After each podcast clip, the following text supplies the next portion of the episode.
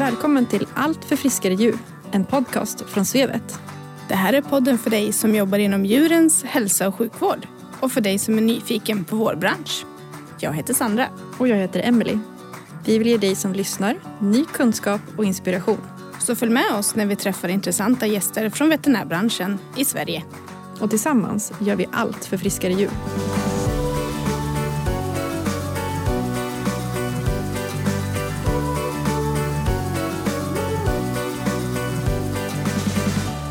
Avsnittet sponsras av Orion Pharma Animal Health. Hej och välkomna tillbaka till en ny säsong av Allt för friskare djur som görs av oss här på Svevet. Ny säsong och nya programledare. Och vilka är vi då? Jag heter Sandra och jobbar här på Svevet som kundansvarig på smittområdet. I grund och botten så är jag utbildad djurvårdare på nivå 3. Och jag heter Emily och jag är utbildningsansvarig här på Svevet. I grund och botten så är jag utbildad legitimerad djursjukskötare. Jag och Sandra är era nya programledare och kommer att träffa många spännande gäster här i podden under några avsnitt framöver. I det här avsnittet så har vi träffat Anna. Anna är i grunden legitimerad djursjukskötare med ett livslångt kattintresse. Hon har valt att vidareutbilda sig inom bland annat kattomvårdnad, kattbeteende och anestesi. Anna brinner för att utbilda både djurägare och djurhälsopersonal. Följ med oss i dagens avsnitt.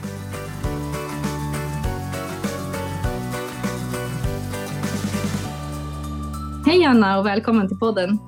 Tack Emelie. Jätteroligt att ha dig här idag. Du har en jätteintressant bakgrund både med utbildningen i Skara och vidareutbildningen om katt. Berätta mer om det. Ja, jag gick den första treåriga kandidatutbildningen i Skara och läste då en kandidatutbildning i djuromvårdnad på djursjukskötarlinjen. Efter det så insåg jag att vi inte hade lärt oss särskilt mycket specifikt om bara katt.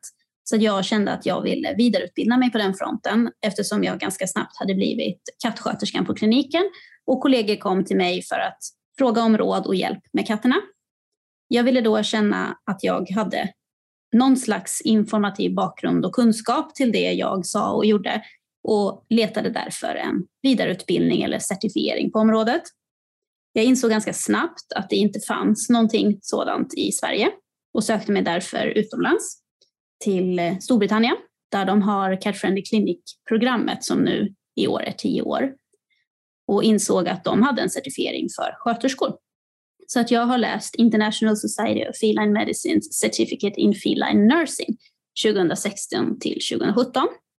Jag insåg också ganska snabbt att det var inte jättemycket kattbeteende i den kursen och man hade inte läst så mycket kattbeteende sedan innan och ville bli bättre på den fronten också. Så att därför läste jag International Society of Feline Medicines Advanced Certificate in Feline Behavior och eh, har därmed specialinriktat mig på katter. Finns det några motsvarande utbildningar i Sverige idag?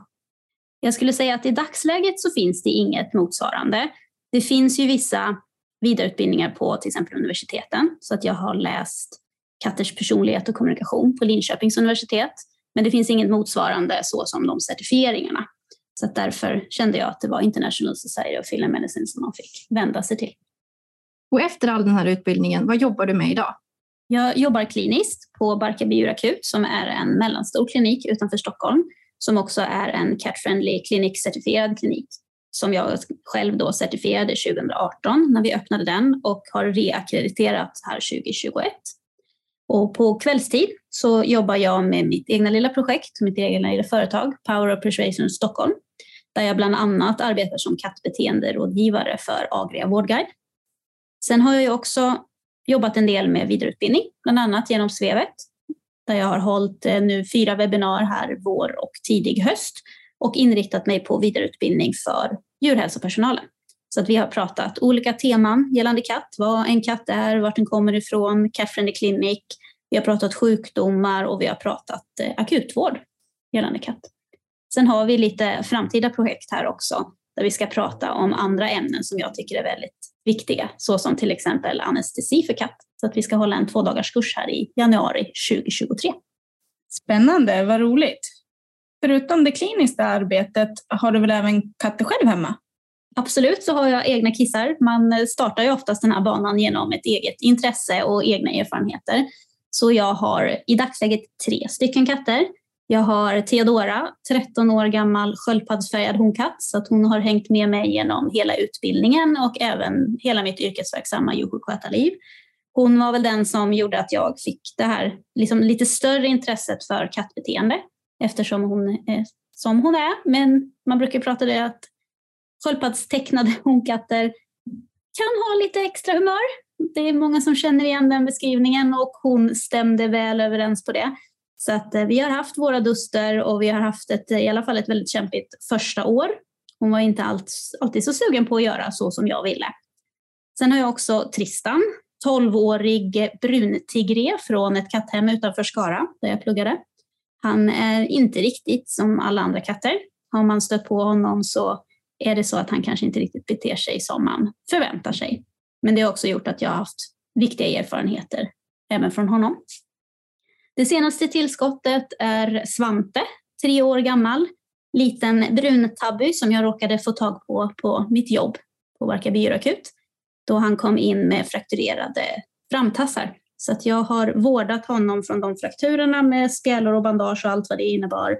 Och sen har vi haft våra små problem som vi behöver lösa här hemma i flerkattshushållet som är ett helt ämne för sig. Det låter ju väldigt spännande, verkligen tre stycken katter med tre olika personligheter. Hur funkar det idag då? Det är ju så att bara för att man, man kan katt behöver inte det betyda att katterna alltid gör som man vill. De är ju som vi pratade om innan individer, de har sina quirks och sina egenheter, vilket gör att det är ett ständigt arbete. Man behöver hjälpa dem med de sakerna som de behöver hjälp med och det är inte alltid så att man kan förklara på deras språk det man kanske vill säga åt dem. Man behöver ge dem verktygen för att få det här att fungera och göra miljön hemma så anpassad som möjligt efter katterna. Sen behöver man ju hjälpa dem att göra rätt och det är inte alltid lätt. Det, det jobbas på konstant, både hemma hos mig men också med de kunderna som jag hjälper både på mitt dagjobb och på mitt kvällsjobb. Så att det, det finns att jobba på, så är det. Det är det ju verkligen eftersom katten är ett revirdjur.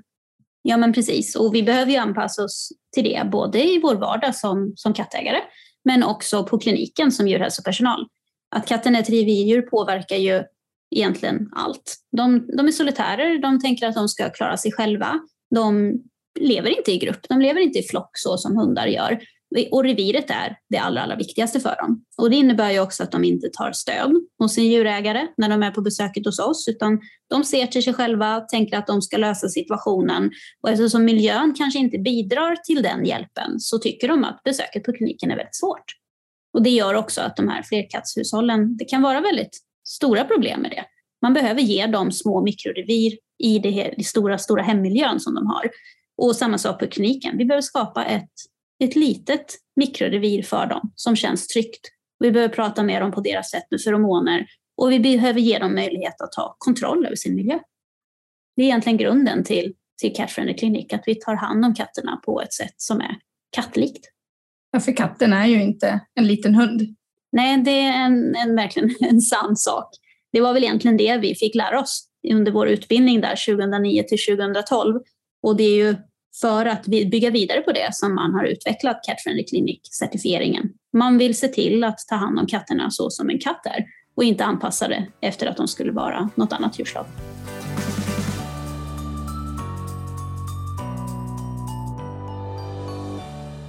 Kan du berätta mer om vad Cat Friendly Clinic är för någonting? Absolut. Cat Friendly Clinic är ett initiativ från en brittisk förening som heter International Society of Feline Medicine, de som jag har läst mina certifieringar hos. Och det är egentligen den veterinära underorganisationen till iCat Care, som är en välgörenhetsorganisation för katter.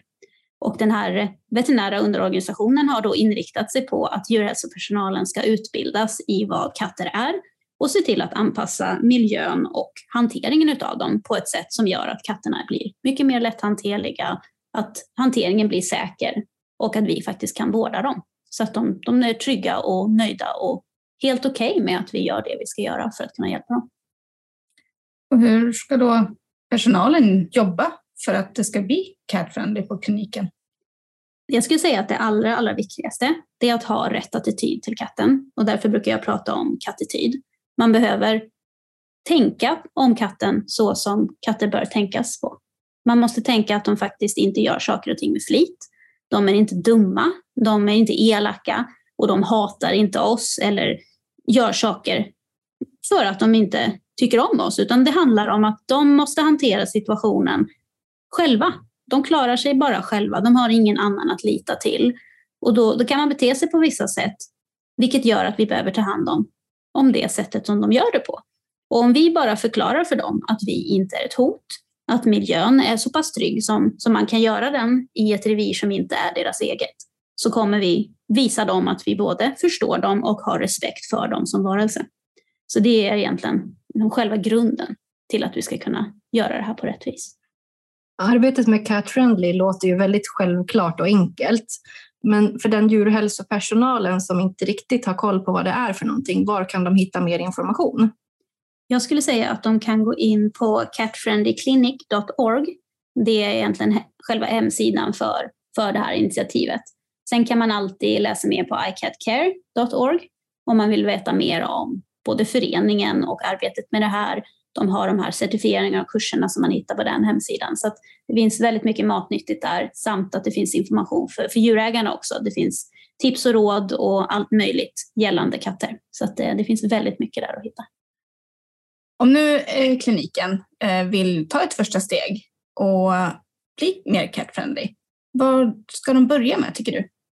Jag tycker att de ska börja med att läsa på om katter och bara försöka förstå vad katten är. Sen så skulle jag säga att det allra viktigaste är att försöka tänka att katterna inte vill träffa på hundar och de vill inte träffa på andra katter. Så att, att försöka dela upp katterna och tänka logistik är väldigt viktigt. Har man inte möjlighet att ändra lokalerna så kan man tänka logistik och bokningstider. Man tänker att till exempel man kan ha en katt och en hunddag. Man kan ha kvällar då man bokar bara katter så att man ser till att dela upp dem. Det gör också att man kan använda sig av samma rum som man i vanliga fall använder sig av, men att man städar bort alla de signalerna som finns ifrån hundar. Det allra, allra bästa vore ju såklart att ha ett rum som är inriktat bara på katt och att ha ett väntrum som är bara för katterna. Det är det allra, allra bästa. För det gör att katterna känner sig så trygga som möjligt eftersom de inte läser av några signaler från ja, rovdjur för dem. För de är ju faktiskt ett bytesdjur till våra hundar. Så det skulle jag säga att det, det vore bra att börja med. Men såklart att alla kanske inte har möjligheterna att rita om sina lokaler. Eh, jag ligger väldigt mycket ute på vägarna och besöker ju kliniker och där ser man ju att det görs ju väldigt olika mycket på den här frågan och den här fronten och så. Så att tips till den lilla kliniken som inte har så mycket rum, vad skulle du säga? Jag skulle säga som sagt, tänk logistik. Boka olika dagar eller tider för hundar och katter.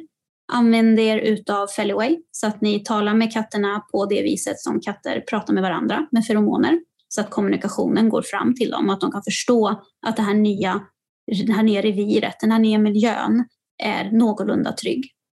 Informera djurägarna. Prata med dem både på telefon innan när det gäller bokning och förklara vad som kan vara stressande för katten hur de ska ta katten till kliniken på ett bra sätt, hur man ska vänja dem vid buren, hur man ska förebygga problem. Och sen när de kommer till kliniken, att man informerar dem redan när de kommer in, antingen genom en särskild ingång om man har möjlighet till det, eller genom den ordinarie ingången. Att de inte ställer katten på golvet utan kanske får ställa upp den på receptionsdisken eller på en stol bredvid eller liknande.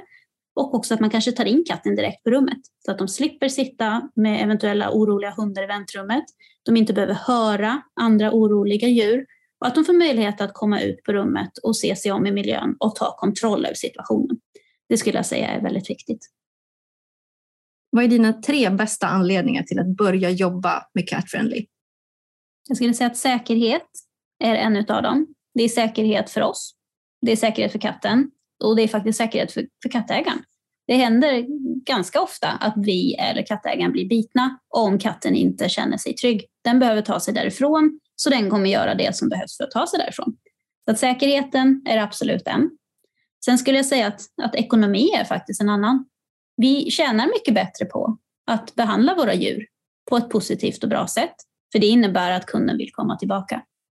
Vill man inte komma till någon för att man inte känner att de behandlar ens katt väl, då får man inte in den kunden, man får inte in den patienten. Sen skulle jag säga att det är för, såklart för katternas skull. För känner de sig förstådda, känner de sig sedda, känner djurägaren eller kattägaren sig sedd, så kommer det bli en trogen kund. För att, att en katt tolererar en behandling och går att vårda, det ser djurägaren, för det är det allra viktigaste för dem. Så du kommer få en väldigt trogen kund. Arbetet med Cat Friendly det är ju väldigt viktigt både för att öka medvetenheten hos personalen och även hos djurägarna.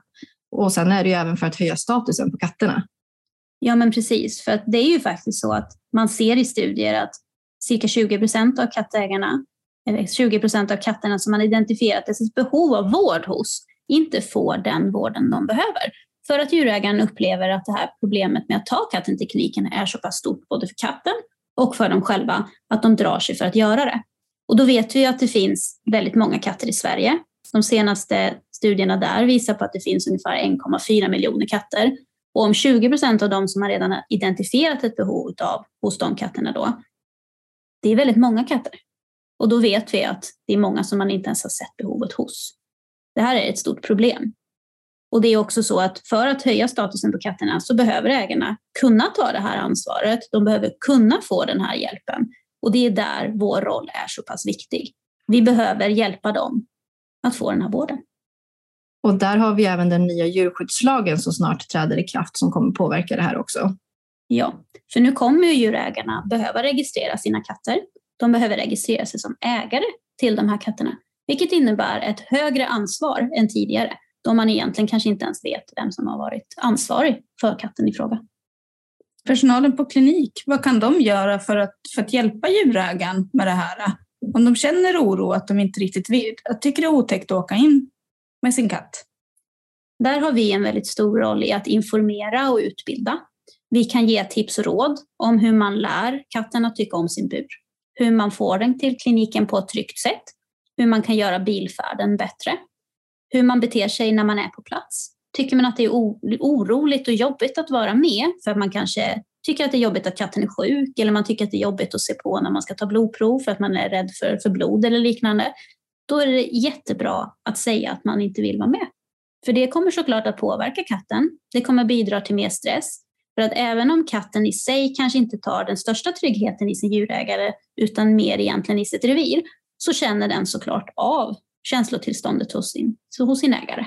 Så att det är jätteviktigt med kommunikation och information skulle jag säga. Det är det viktigaste från vår sida. Finns det något annat sätt som man kan hjälpa till med redan vid bokningen? Absolut. Vi kan ju som sagt ge tips och råd om förebyggande arbete och hur man vänjer katten vid alla de här sakerna. Man kan också prata igenom om hur det har gått tidigare.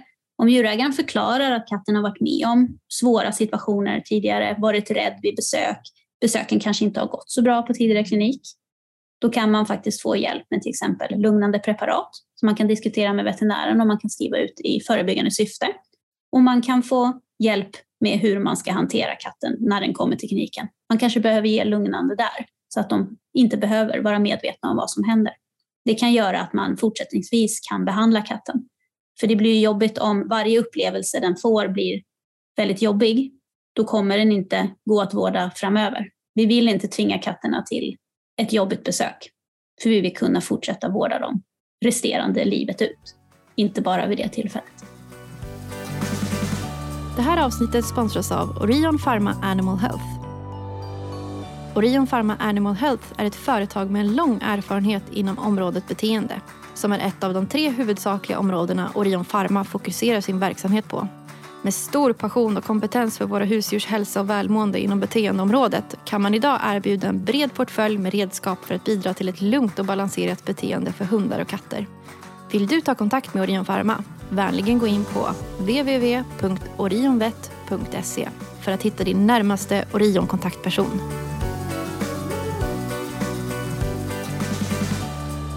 Då kommer vi in på det här med kattityd som du har nämnt tidigare.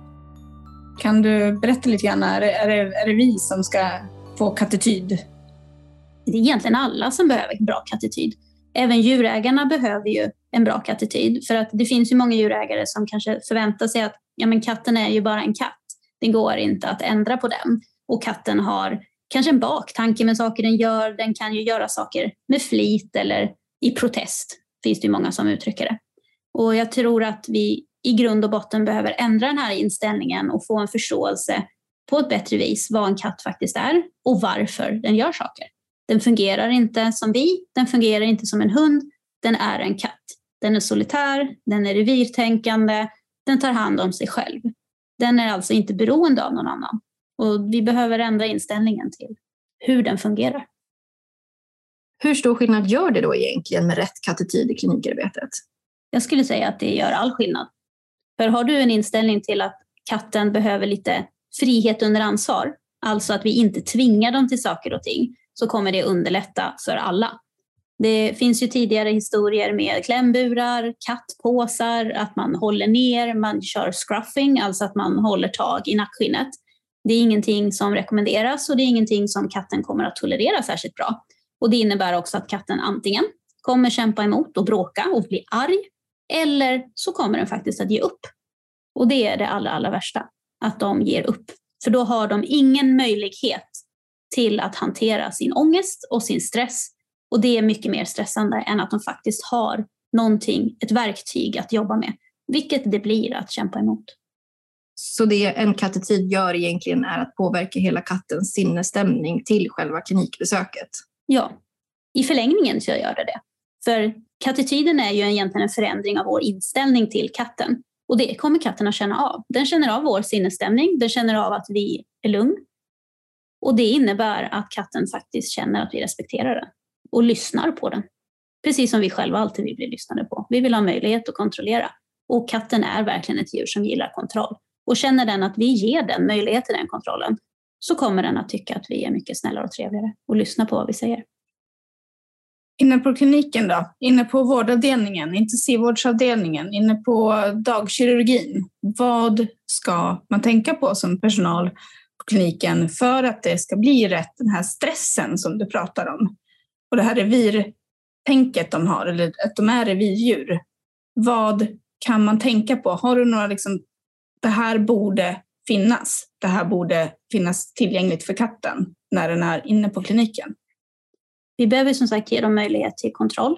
Vi behöver kommunicera med dem på rätt sätt. Så jag skulle säga att Fellyway fortfarande viktigt, både på undersökningsrummet, vårdavdelningen, operation, alla avdelningar där katten befinner sig. För det kommer att kommunicera med dem på ett sätt som gör att de förstår att miljön inte är farlig i alla fall. Sen kommer de ju inte bli lurade av att det finns feromoner som säger att miljön är 100% trygg. Det håller de ju inte med om. Men det kommer att ge dem en möjlighet att känna det lite trygghet lite snabbare. Sen så den här kontrollen kan också byggas på genom att de får möjlighet till att gömma sig. De får möjlighet till att observera det här nya reviret, den här nya miljön från en säker punkt. Så att ge dem gömställen, använd pappkartonger, badrumspallar med filt över, häng en handduk över burdörren. Alla möjligheter till gömställen är viktiga för våra katter. Sen handlar det också om hur vi hanterar och interagerar med dem. Om vi behandlar dem med respekt, tar, dem, tar hand om dem i lugn och ro, håller om dem försiktigt och inte tvingar och kanske passar på att kela. Man, man ger dem lite TLC, lite tender love and care och lyssnar på vad katten faktiskt vill ha. Vill den inte bli gosad mer och mer? Nej, men då vill den inte det. Då låter vi dem få vara i fred. Men vi frågar dem om vad de vill ha. Vissa katter vill ha sällskapet, vissa katter vill ha en leksak, vissa katter vill bara att man är där men inte rör så mycket. Vi lyssnar på vad de vill ha. Det är det viktigaste. Det här låter ju som en helt vanlig, att man respekterar varandra som personer, människor emellan. Att man respekterar katten ja. på det viset. Då. Ja men absolut, och jag tror att vi, vi glömmer den här biten. Vi, vi tänker att katten är någon, någon specialvarelse som man måste ha massa specialgrejer till och man måste göra på något väldigt avancerat vis. Men det är i grund och botten enkla saker. Vi behöver bara tänka utifrån kattens perspektiv och förstå vad den vill ha, precis som man önskar att andra försöker förstå sig på vad vi vill ha. Och vad är fel kattetid? Vad ska man absolut inte göra? Fel kattetid är att förvänta sig något dåligt ifrån katten, att inte ge den en möjlighet att visa sig från sin bästa sida och att anta att det här inte kommer att gå bra. Alltså till exempel hämta klämburen eller den här kattpåsen och sätta på kragen och trycka ner katten och inte lyssna på vad den ville eller tyckte eller kände. Det här kommer ju bara bli värre både för katten och för oss för att vill vi kunna vårda katten framöver så behöver vi hantera dem bättre. Så att, eh, att förvänta sig att katten inte vill göra rätt, det är en dålig kattetid. En annan sak som man absolut inte ska göra är ju att man ska ta dem i nackskinnet. Det finns många skrönor om att katterna blir avslappnade för att mamman har burit dem i nackskinnet och det här ska vara någonting positivt. Men det blir snarare en fråga om att man känner sig fast. Man kommer ingenstans och som vi pratade om innan, katter som bråkar emot, de har ett verktyg. Katter som ger upp, de har ingen möjlighet att ta hand om sin ångest. Så att, att ta i nackskinnet, det är big no-no. Det hjälper inte. Och samma sak att sätta klämmor eller klänypor eller liknande i nackskinnet för att de ska slappna av. Det är inte en arbetsmetod som vi vill använda oss utav. Vi vill ge dem frihet under ansvar, hålla försiktigt och ska ni använda något verktyg så använd en liten filt. Håll för att man inte ska behöva hålla särskilt hårt. För att det kan ibland vara svårt att instruera bland annat djurägaren till hur man ska hålla. De är vana vid att man måste hålla fast för att katten ska stanna och det är kanske inte bästa metoden. Och då kan den här filten vara bra för då kan djurägaren hålla i filten och inte i katten. Det här är ju jätteviktig information för alla inom den här branschen, Anna. Det låter ju också som att det egentligen inte är ett jättesvårt arbete att påbörja, även för den lilla kliniken som kanske inte har så stora resurser. Eh, vi tackar så jättemycket för att du var med och informerade alla och jag hoppas på att alla har fått lite nytändning på att eh, ut och leta ny kunskap och påbörja arbetet och ni som har påbörjat det känner att ni kan fortsätta det här efter också.